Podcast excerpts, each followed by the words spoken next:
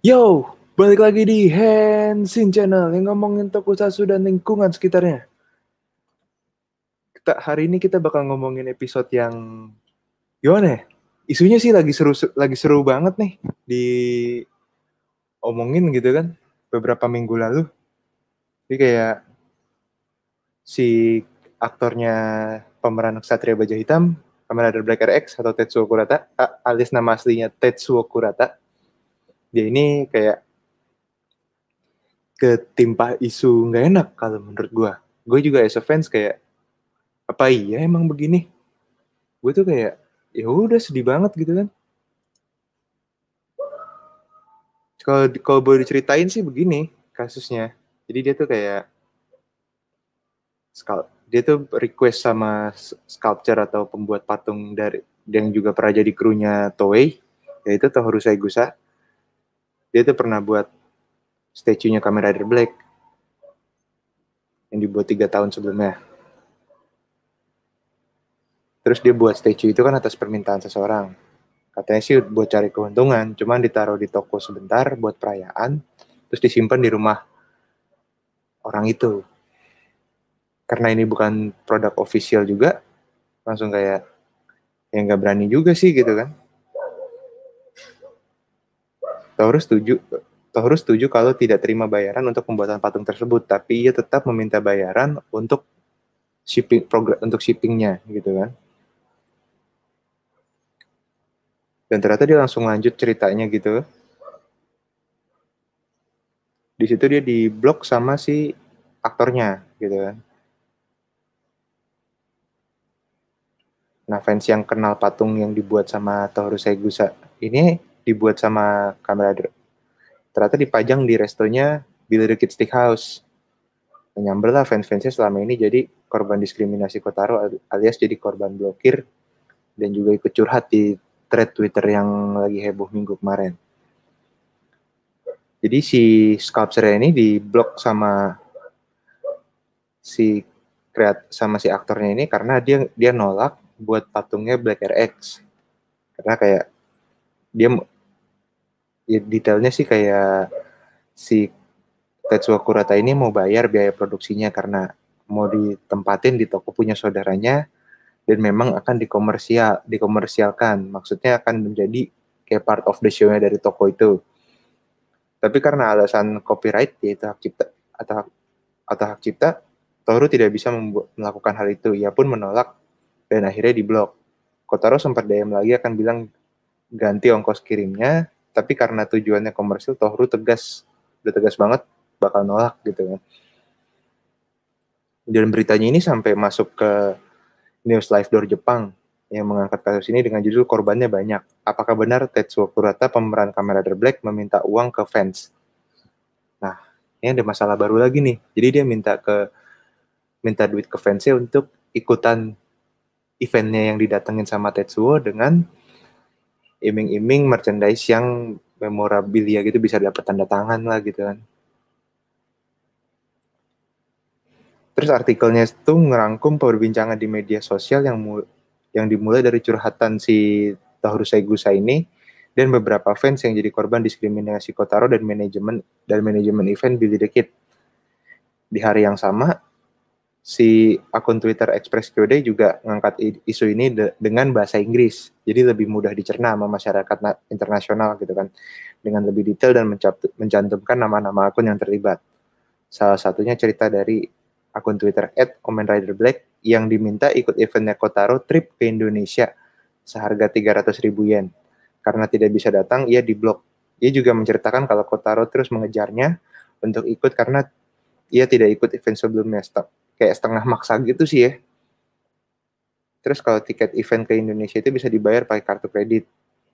Dari dari situ mulai itu bermunculan isu-isu berita pengalaman-pengalaman yang negatif dari fans yang kena perlakuan diskriminatif oleh Kotaro dan manajemennya.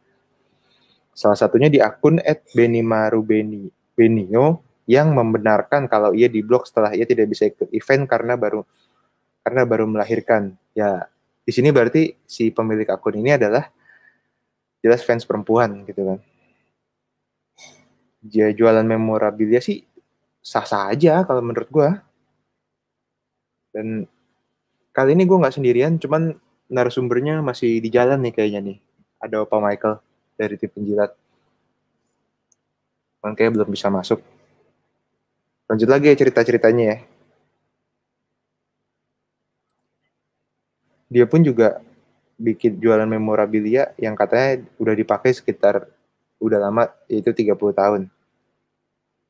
Dia post di Twitter atau di Twitter dan FB dan ditawarkan ke fans dan siapa yang bisa nawarin harga tertinggi dapat foto dan tanda tangan juga.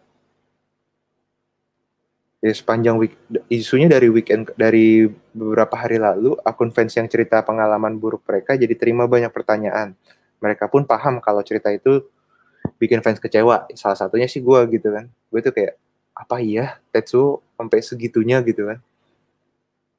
Tapi mereka bilang ya memang begitulah keadaan sebenarnya. Jadi kayak setelah dia cerita pengalaman buruknya, jadi dia tuh kayak melempar kembali ke netizen. Nah netizen terserah menilainya seperti apa. Ini ada pertanyaan juga. 300 ribu yen itu 40 juta ya? Kalau dihitung sama kurs sekarang ya kurang lebih 30 sampai 45 gitu. Nah ini udah masuk nih narasumbernya. Ada Opa Michael. Halo, halo. Opa Michael. Halo. Udah kelihatan ya jelas? Ya, jelas. Nah ini gue tadi habis cerita-cerita nih soal kasusnya si Tetsuo beberapa minggu, beberapa hari belakangan sih. Dan jujur gue kayak hmm. sedih gitu loh. Gimana ya? apa iya sampai aslinya dia sampai begitu gitu kan oke okay. ini nih yang jadi pertanyaan gue dulu aja kali ya lu ini ya iya tadi sih gue udah cerita kayak jadi heboh-heboh kemarin tuh dia bikin dia ada request ke sculpture gitu kan bikin patungnya RX buat di toko mm -hmm. saudaranya gitu kan mm -hmm. tapi di situ dia nggak mau gitu kan dan akhirnya dia di blok terus kayak tahun kemarin itu yang pas dia ke sini tuh 2018 mm-hmm. yang acara itu tuh Battle of the Toys mm-hmm. ternyata dia kan masang ini ya trip ke Indonesia ke trip ke Jakarta sekitar 300 ribu yen gitu kan? Itu dia bawa setelah temen acara Kurata itu. Setelah, setelah acara, acara ya? iya jadi ah. dia udah balik dulu ke Jepang. Terus habis dia udah balik ke Jepang dia melanjutkan kehidupan ya dulu di ya kayak santai-santai dulu gitu ya? dia. Terus habis itu ya santai-santai dulu urusan dia lah kerjaannya dia segala macam. Terus habis itu memang dia bikin uh, jalan-jalan lah. Maksudnya acaranya itu kalau dari brosurnya adalah jalan-jalan ke Bali bersama Tetsuo Kurata Oh, sih. Jadi ini diluruskan nih, soalnya kemarin itu pas di trade itu dia nyeret-nyeret event di Indonesia, makanya gue juga masa iya sih gue gituin? Kayaknya enggak deh gitu. Oh. kalau dari brosur ya dari brosur yang dia cetak sendiri hmm. dan dari brosur yang dia tempel di restorannya dia dan hmm. dari brosur yang dia share juga di sosial media uh, acara itu adalah acara pribadi yang dia bikin jadi intinya adalah dia itu seneng banget sama pantai dan seneng sama Bali.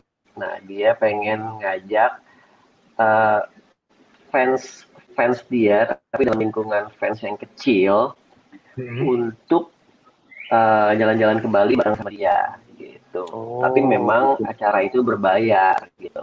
Ya, memang berbayar. Nah, itu ada pertanyaan nih. 300 ribu yen itu 40 juta ya, Kak?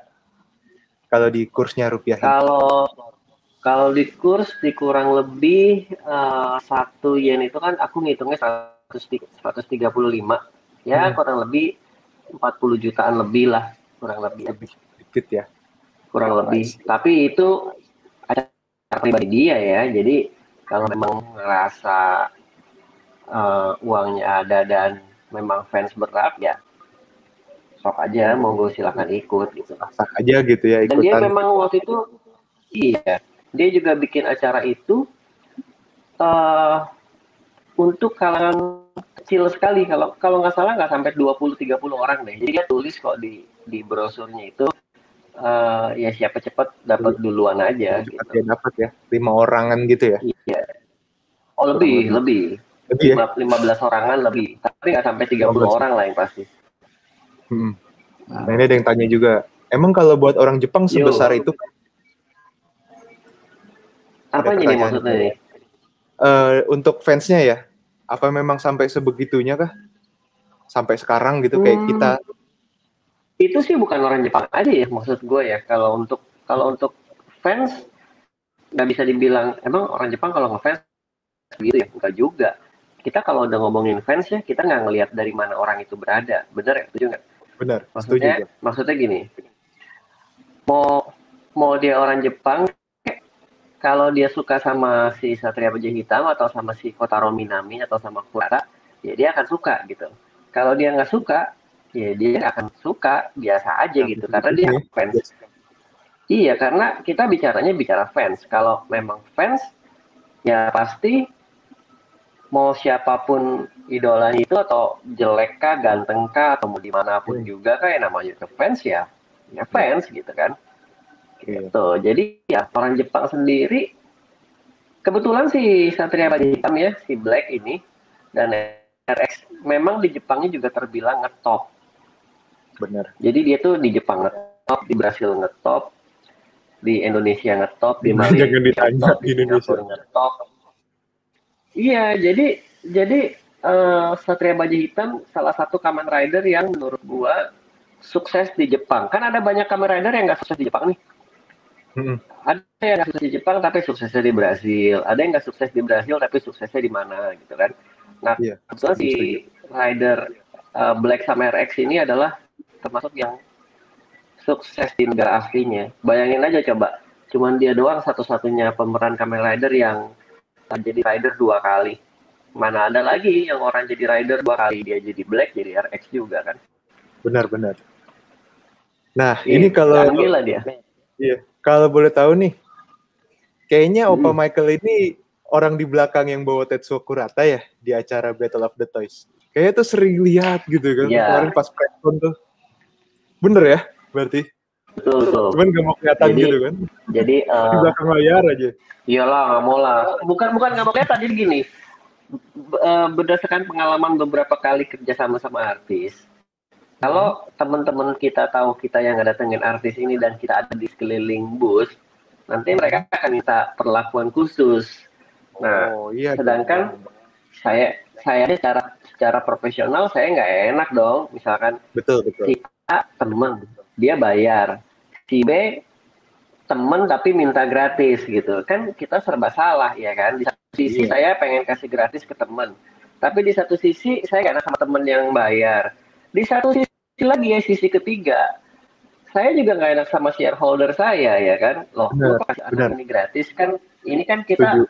acara berbayar. Jadi dan saya kan nggak bisa ngejelasin hal seperti ini ke semua orang asumsinya nggak hmm. semua orang ngerti pola bisnisnya jadi Betul. saya pikir pas lagi acara saya jauh-jauh deh. Kalau enggak saya di kamar hotel aja deh. Kalau enggak saya di kantin aja deh duduk atau ngapain deh. Jadi nggak nggak usah di sekitar-sekitar situ kan. Karena kan betul, betul. ada yang begini.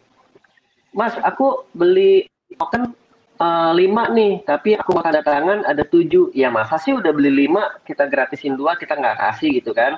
gitu dong. juga kan gitu. gitu. Tapi yeah. kan tak, betul kayak gitu. Jadi akhirnya ah ya deh aku minggir dulu deh. Jauh-jauh ya, gitu. kayak minggir-minggir dulu deh gitu. Nah, iya, kalau karena proses... di lapangan juga pasti udah ada timnya. Hmm. Nah, kalau proses ngebawanya nih, Opa, gitu kan. Gue panggil Opa hmm. Mike aja ya. Hmm. Gitu. Ya, jadi apa -apa. kalau proses, proses bawanya nih, jadi kita kita nego ke sana dulu ya. Berarti mampir ke Billy the Kid dong. Nah, awalnya itu memang gue sekali ke Jepang itu selalu mampir ke Billy the Kid. Maksudnya, memang aku nih dan keluarga udah makan steak kan. Terus kedua, uh, ya kalau bisa makan steak di tempat yang punya nilai attachment secara memorabilia ke aku, kenapa tidak gitu. Jelas dong. Jadi awalnya dulu, iya dong awalnya dulu main di tempatnya si Kurata itu adalah belum banyak orang Indonesia yang tahu kalau dia itu punya steakhouse. Betul.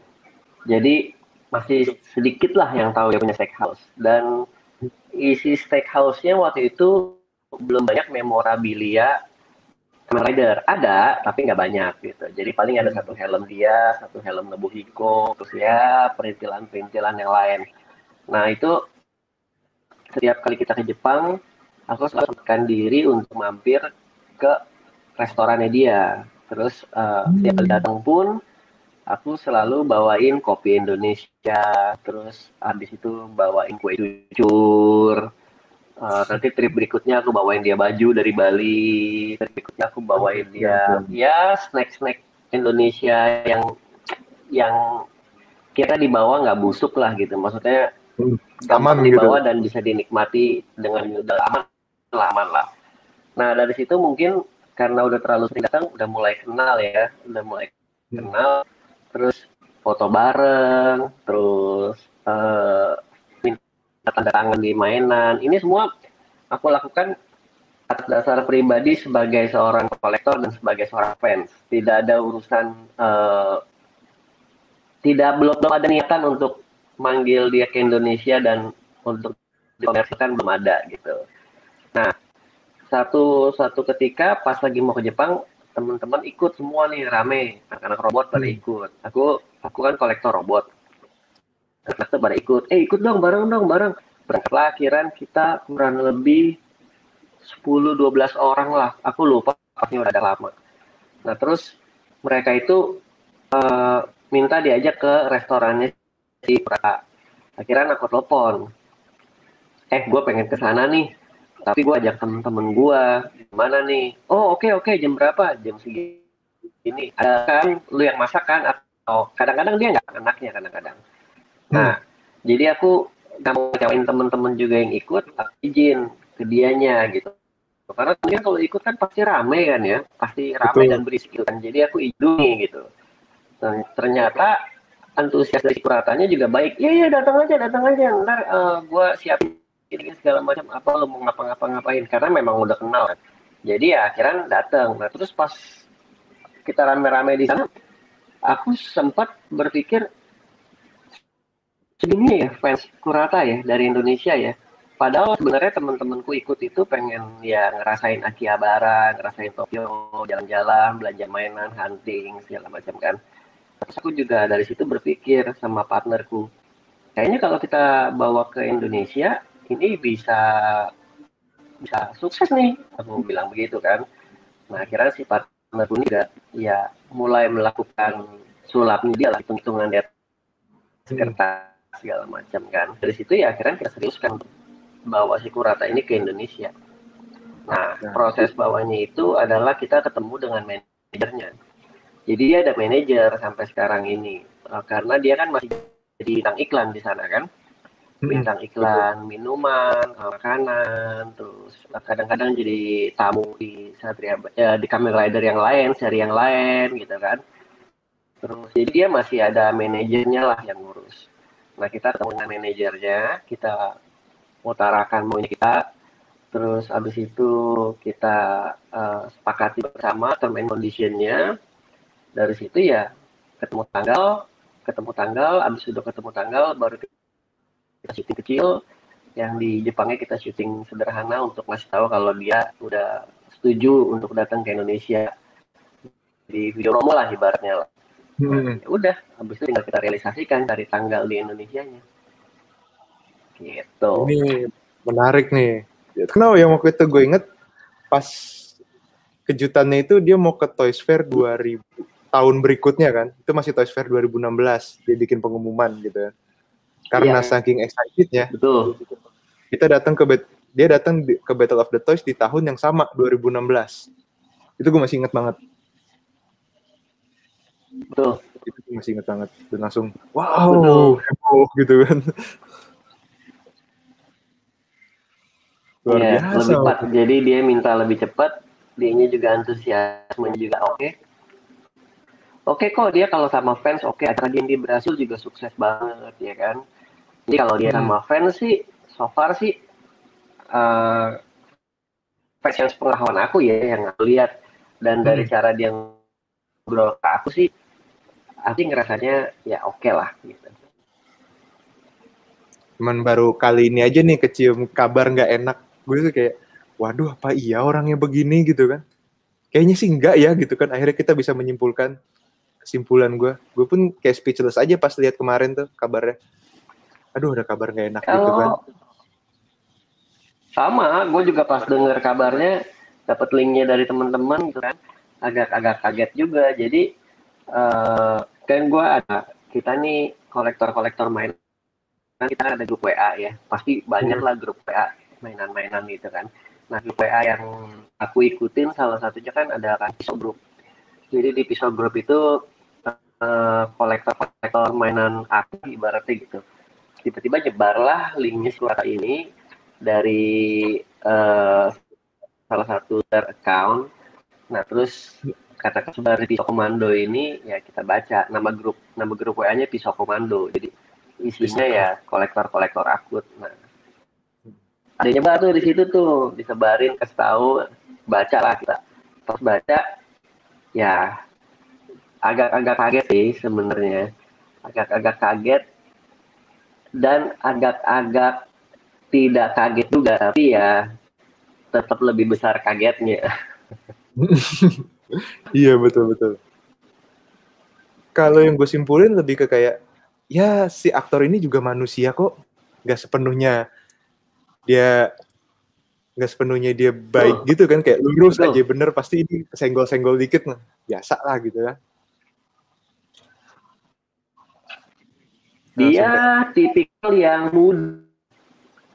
Iya, tipikal yang gampang yang muda. Jadi uh, ada satu ketika dia itu uh, iya gampang pokoknya mudi banget jadi ada satu ketika dia itu kemarin dia kan sempat datang dua kali tuh yang kemarin juga datang lagi kan yang sama yeah.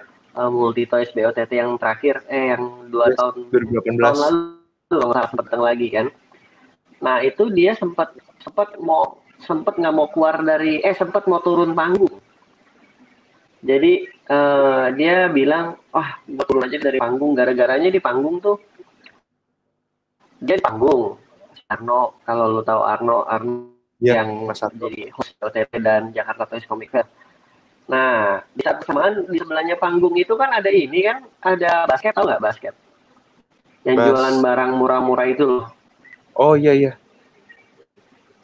Benar-benar. Tahu kan? Iya. Nah, ya. Dia tuh merasa tersinggung karena dia lagi di panggung, tapi di sebelah jualan barang-barang murah terus pakai pakai mikrofon kenceng-kenceng gede-gede gitu pakai toa. Nah, bener terus dia ngomong, ini sebenarnya acaranya kan acara saya. Saya time kan time schedule saya. Ini jangan ada beginian dulu dong. Saya mau ngomong sama fans juga susah. Terus orang juga jangan konsen lihat sayanya malah cari barang murahnya gitu. Nah dia hampir turun, akhirnya gue bilang ke dia, udahlah jalanin aja, nggak apa-apa. Paling itu sebentar lagi juga udah oke. Okay. Akhirnya gue bilangin deh sama anak-anak basketnya itu sama panitianya. Ya udah, padahal itu acaranya bukan acara gue. Dan waktu itu si Kurata itu datang bukan gue lagi promotornya, tapi tetap gue datang karena ya memang hubungannya kan udah baik kan. Jadi gue bawain dia bakmi, gue ajakin dia ngobrol, terus gue ajak anaknya jalan segala macem gitu. Oh, ya, memang agak agak mudi jadi kalau kerja sama saya nama juga artis ya artis apalagi ya artis kan gitu kan ya. Ya gampang-gampang susah lah. Nah ini ada yang tanya juga nih dari Mas Sakti Erwadi. Nggak kagetnya kenapa kak? Kok nggak kok kayak nggak kaget gitu lihat kabar nggak enak kemarin? Nggak enak nggak kagetnya okay. gimana ya? Itu gini bagaimanapun juga jadi gini uh, bagaimanapun juga si Kurata itu seperti yang lo ngomong tadi mas. Hmm. ada saat-saat di mana dia enak ada saat-saat di mana dia nggak enak. Ada saat-saat dia juga curhat ke gua pribadi nih masalah keluarganya dia terus di saat dia lagi ada masalah keluarga dia tetap harus naik stage ya kan tetap harus senyum sama sama semua orang gitu kan. Kadang-kadang kita sebagai orang kita nggak mikir ke situ kita cuma dia harus perfect dia harus perfect dia harus perfect ya kan? Tapi kan dia manusia. Terus kedua yang paling penting adalah Kurang itu tidak bergerak sendiri. Kalau dia bergerak sendiri itu lain ceritanya. Dia ada manajer di belakang dia. Nah hal yang perlu kalian semua tahu manajer kata itu kan yang fleksibel. Bukan nyebelin, bukan juga jahat, tapi hmm. bukan orang yang fleksibel. Maksudnya orangnya kaku sekali gitu. Nah, hmm. salah satu yang membuat Kurata itu jadi terlihat atau terkesan menyebalkan adalah uh, demand dari si manajernya itu gitu. Kayak misalkan tanda tangan nih. Uh, Kurata mungkin mau ngasih tanda tangan gratis, tapi Kurata ter terbentuk oleh kesepakatan dengan si manajer. Gak boleh ya, gak boleh ya gitu. Akhirnya si Kurata jadi serba salah gitu. Yeah. Nah jadi kalau memang sampai ada kesalahpahaman atau ketidakcocokan, ya menurut gue, gue nggak kaget lagi karena mungkin hal-hal seperti ini terjadi karena beda pendapat dengan si manajer. Gitu. Hmm. Nah, jadi gitu guys. Jadi kalian jangan judgement dulu kan, langsung kayak beranggapan, wah Tetsuo ternyata begini ya orangnya, ternyata Tetsuo begini ya orangnya gitu kan. Ya gak nggak bisa disalahin juga kan ada manajer juga gitu kan. Manajer kan ya bekerja sesuai dengan kesepakatan yang sudah disetujui. Iya. Itu dia gitu kan. Iya nah, banget loh. Parah hmm. sakleknya. Nah, nah ini kan, kan orang kan nggak ngerti. Ngertinya cuma kurang hmm. nyebelin ya kan kurang nyebelin iya. jadi jangan lihat dari satu sisi aja gitu kan apalagi netizen gini kan barbar banget ya ini ada juga nih yang nyeletuk yeah. karena BU karena pandemi kak. Gimana ya? Kita sih BU semua kalau pandemi begini. kalau kalau iya kalau BU ya semua sih BU sih ada duit aja pura BU. Iya bener kan? Itu pura-pura BU BU padahal ada duit gitu ya pandemi. Tapi nggak bisa kondisi kayak gini juga sih ya Iya. Karena lagi begini. Terus Tuh. nih yang jadi pertanyaan. Di Jepang ini juga pasti pendapatan kan pasti menurun GPD kan karena orang takut juga mau keluar. Hmm. Terus ada pertanyaan gini.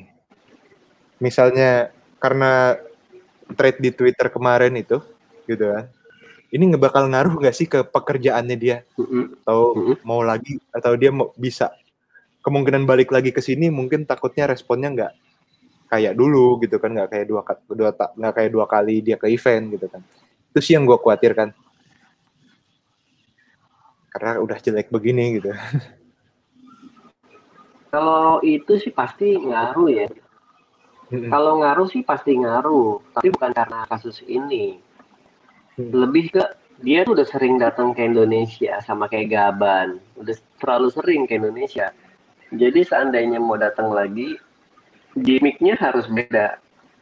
Nggak nggak hanya sekedar ketemu, terus tanda tangan atau meet and greet atau dapat t-shirt atau apa pun juga, tapi harus dipikirin nih soal beda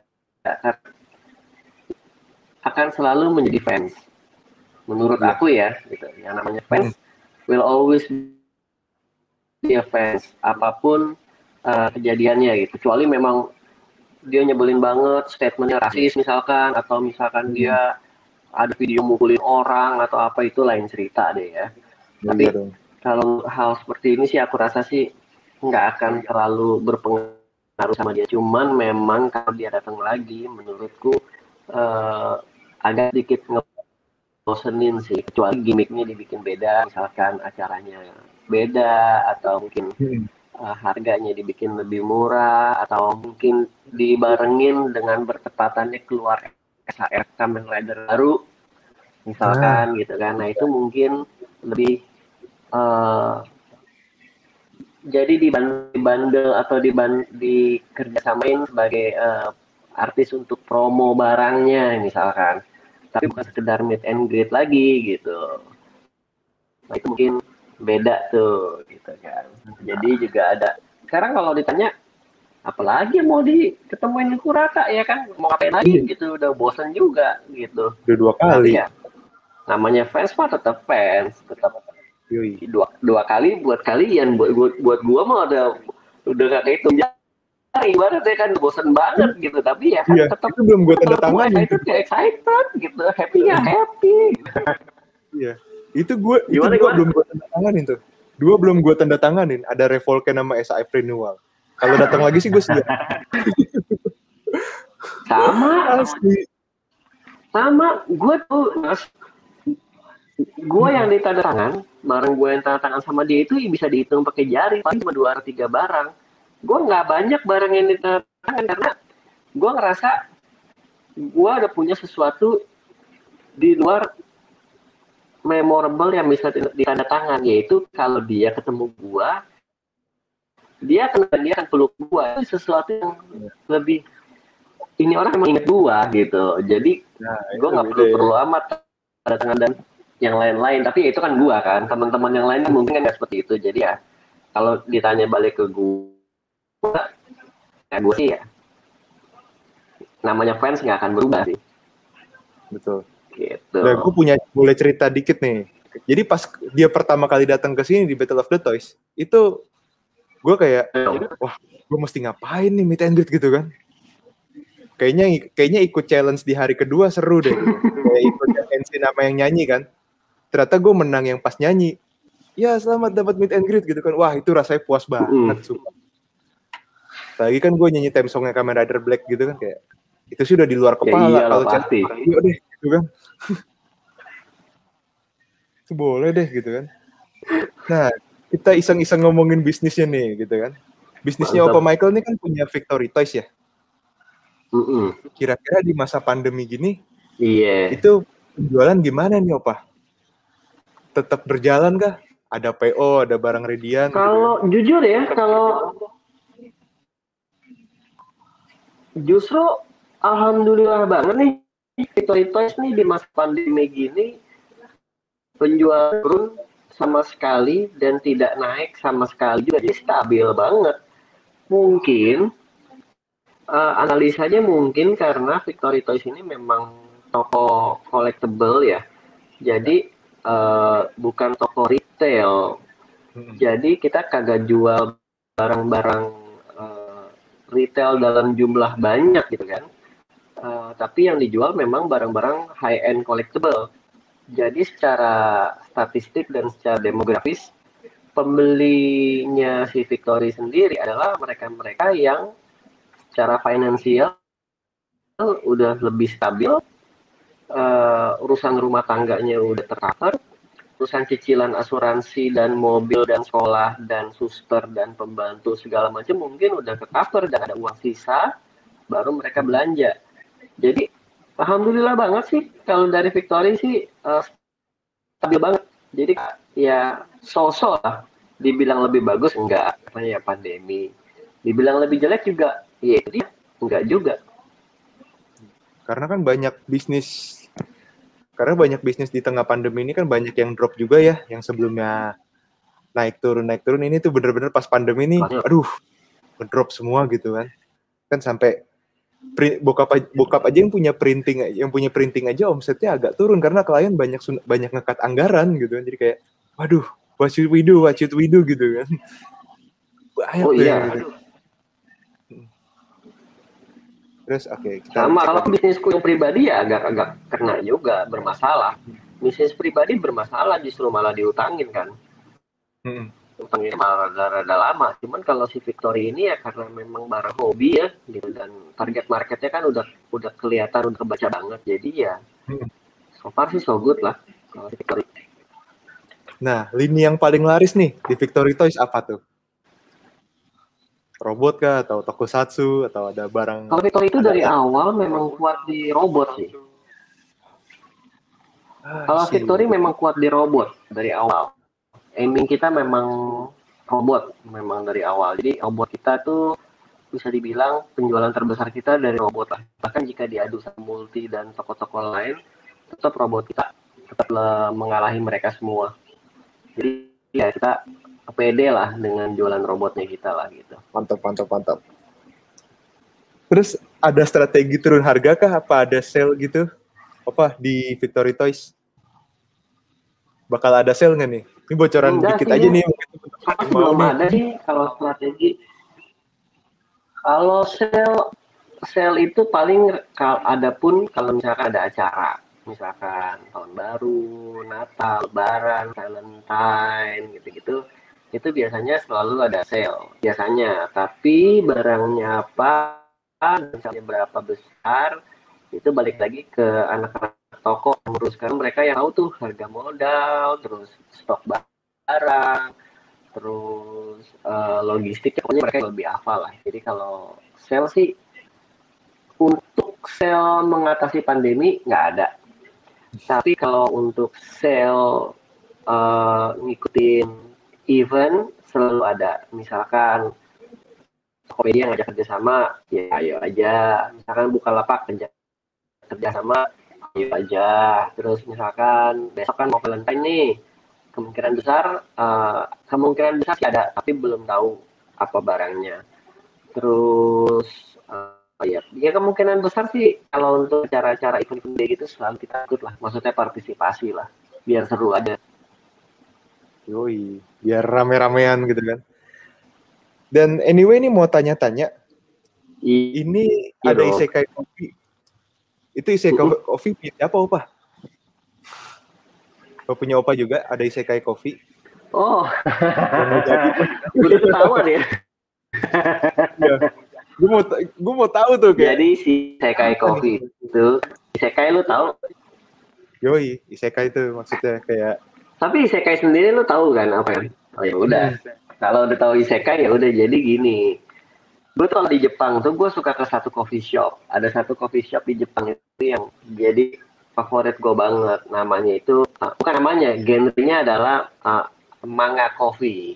Jadi di manga coffee itu uh, orang-orang tuh pada suka datang ke manga coffee khususnya jam-jam pulang kantor. Misalkan jam 5 jam 6 jam 7 tuh kan uh, di sana kan GR kan penuh kereta kan penuh di sana jam 4 5 6 7 tuh penuh jadi orang-orang ini pada bingung mau ngapain nih gue ya gitu. Akhirnya mereka ke coffee shop di sana.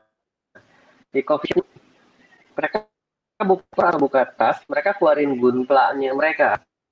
Hmm. Terus mereka ngerakit pakai nipper sendiri, bawa pinset sendiri. Tapi nggak ngecat ya, cuman hmm. clean build aja gitu. Nah, kadang-kadang begitu udah jam setengah 8 atau jam 8 malam, wah ternyata udah kosong nih gitu kan. Dah, gue pulang ah gitu. Jadi gunplanya itu dititip di coffee shop.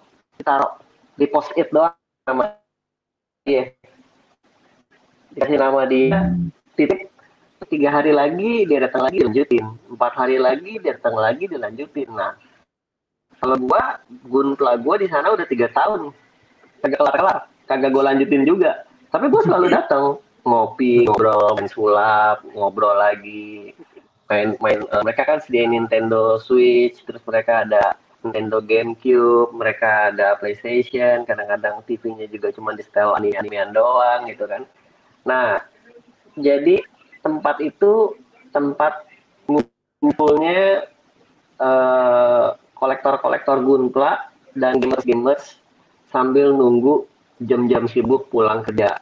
Bukanya juga sore jam 4 bukanya sampai jam dua pagi sampai jam tiga pagi gitu. Nah, gue pikir ini kayaknya menarik nih kayak gini di Jakarta. Jadi ya Isekai Coffee itu yang lagi sekarang dibikin kalau nggak ada halangan nanti awal-awal Maret ini udah operasional. Itu nanti interiornya semua robot-robotan semua sama komik sama ada mesin dingdong di sana ada PlayStation 5 juga terus ada TV-nya juga gede 60 inch. Jadi kalau ada teman-teman yang nanti mau unboxing atau mau syuting atau mau COD-an kalau nggak kenal sama orangnya bingung mau COD-an di mana gitu kan.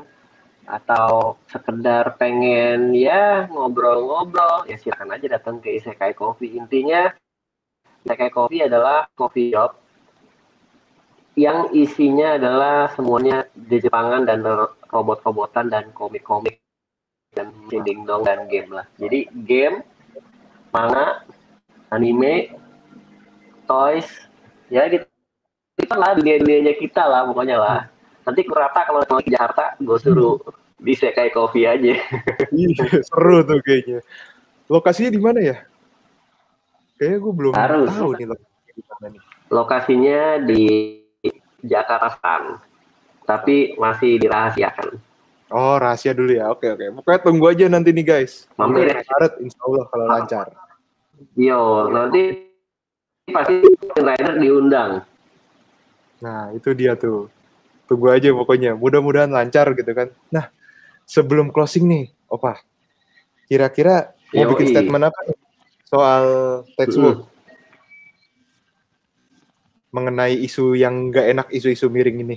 Bikin statement apa ya soal Enak ya? Oh, kalau mengenai isu-isu miring ini ya kita harus ya, kita sebagai orang-orang sebagai orang-orang berpendidikan ya kita harus lebih bisa mendapatkan segala sesuatunya dari dua sisi cerita dulu. Jangan terlalu cepat untuk ngejudge juga dan yang paling penting ya itu sih kalau menurutku. Eh, segala segala macam cerita pasti ada ada dua macam ada dua sisi sudut pandang kan.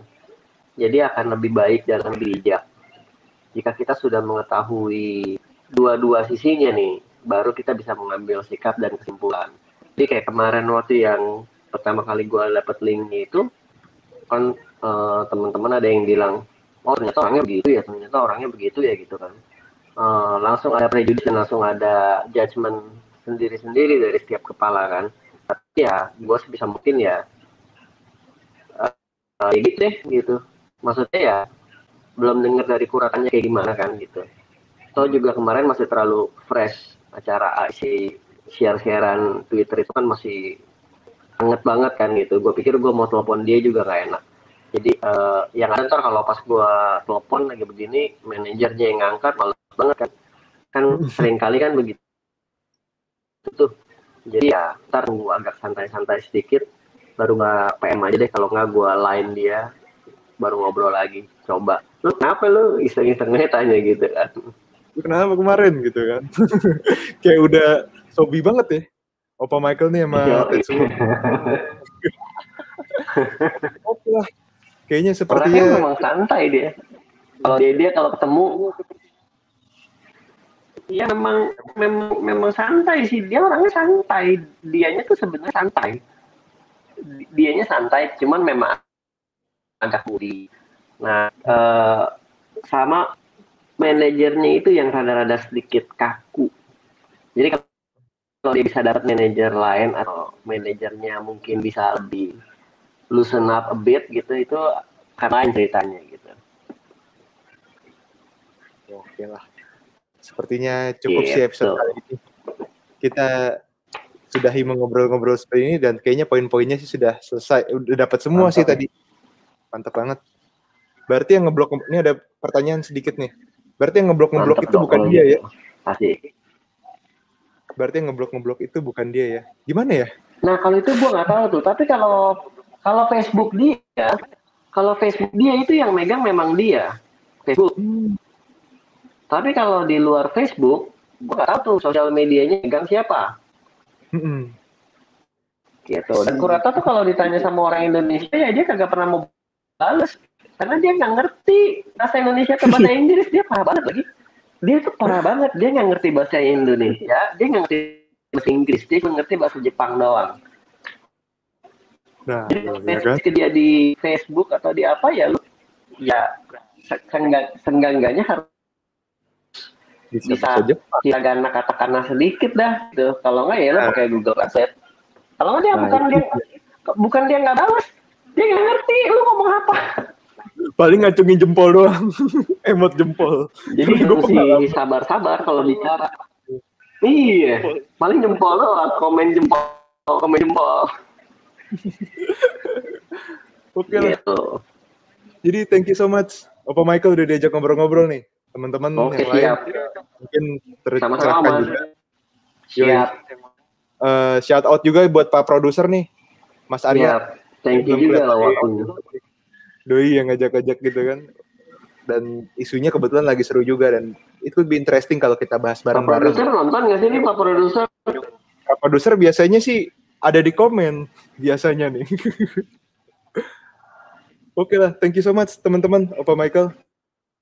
Terima kasih banyak. Mungkin kita ngobrol-ngobrol gitu kan. Sama-sama. Nanti thank you juga buat semua teman-teman yang udah nonton. Iya. Yeah. Jangan lupa tetap jaga kesehatan. Boleh dong, boleh dong. Kita di kopi. Iya di Isekai Coffee asik tuh kan tempat. Nanti aku kasih tahu Isekai Coffee-nya kapan buka. Jadi sekalian biar kalian bisa datang. Siap. Nah ini Pak Produser ini nongol nih. Thank you. Pak Arya. no, thank you so much. Waduh, oh. mana Ini dia nih. Thank you juga dong. Channel. Oke, sampai ketemu di konten berikutnya. Jangan lupa di like, comment, subscribe, sikat, sabet. Oke. Okay. Dan audionya juga available nanti di Spotify, Apple Podcast, dan Google Podcast. Podcast. Iya, jangan lupa guys. Teman-teman. Dadah, thank you, Opa Michael. Thank you ya guys buat teman-teman. Jangan lupa di follow tuh. Thank you. Bye. Bye.